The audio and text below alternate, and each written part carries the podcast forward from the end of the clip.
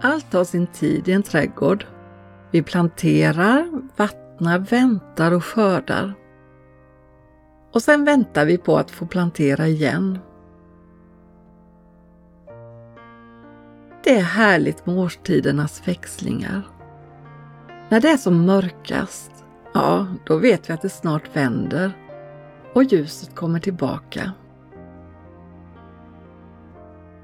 Och när våren kommer och bokskogen slår ut, då vill man att tiden ska stå stilla.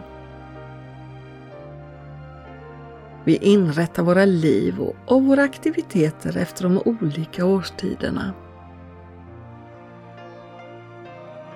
Under livet så går vi igenom olika tider. Vi föds, växer upp, utbildar oss, bildar familj och arbetar.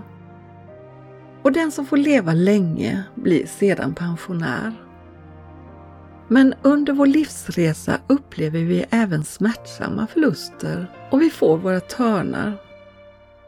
Tider och stunder skiftar och när vi försöker fånga nuet så har den stunden redan försvunnit. Puts borta. Väck för alltid. Så kommer vi till insikt om att livet går alldeles för fort. Davids psalm i Saltaren ger uttryck för hur korta våra liv är.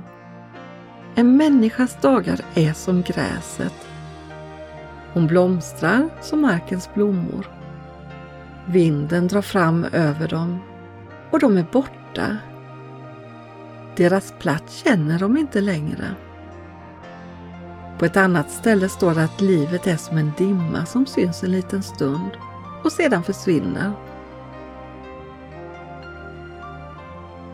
Predikan i Gamla testamentet kom till insikt om att allt har sin tid.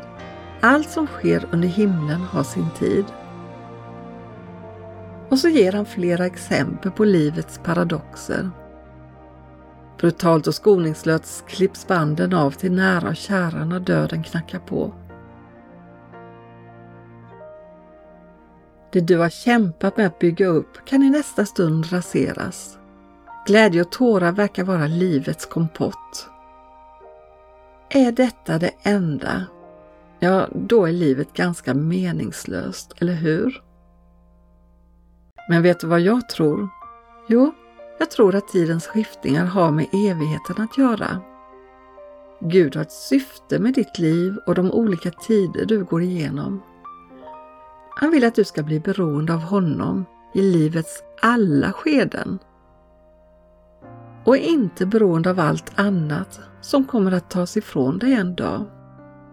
Det är ett växande som under vissa perioder ger växtverk.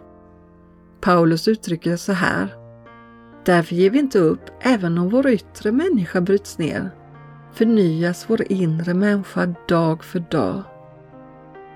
Vår död som är kortvarig och väger lätt bereder åt oss en väldig och överväldigande härlighet som väger tungt och varar för evigt.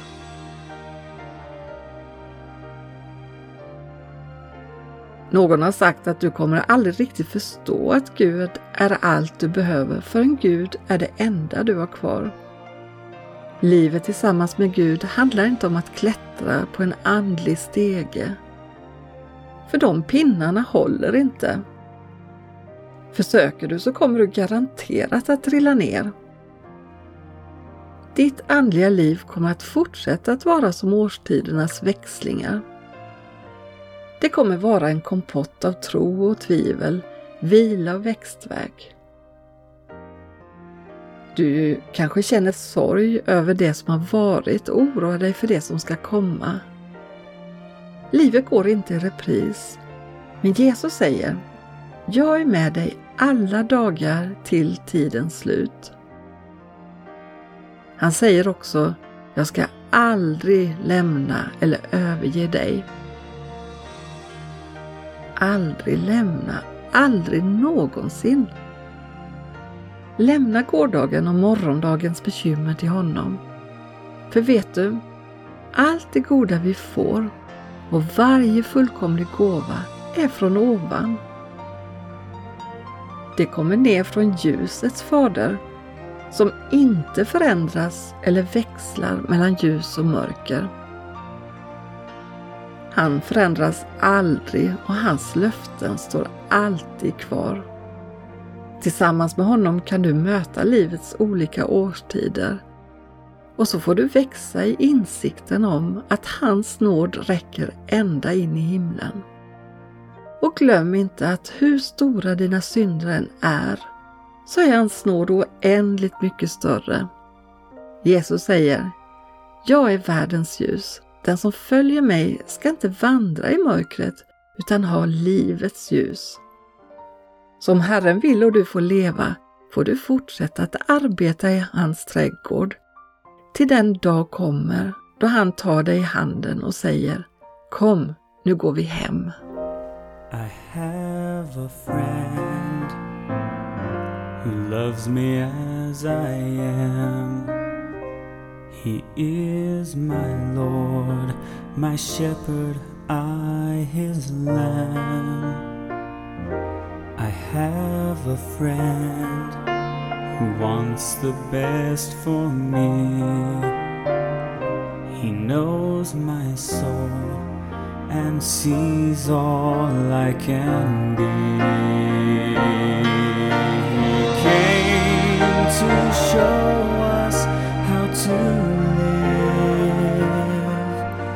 He came with so much love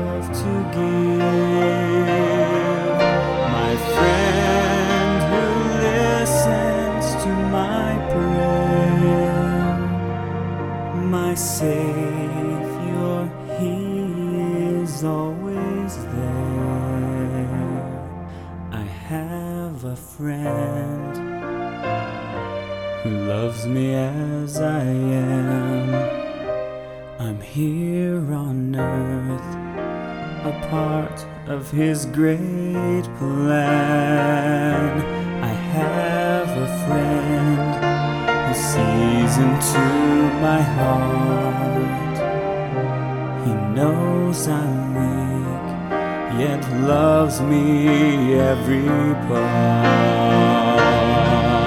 He died to pay my every sin. He died so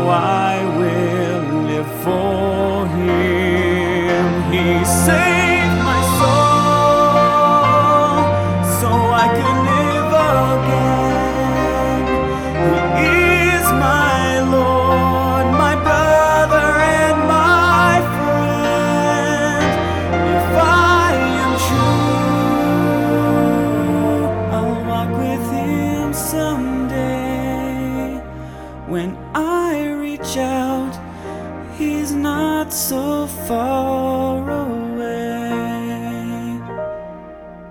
Yes, he is near and always loves me so. I have a friend that I'd like you to know.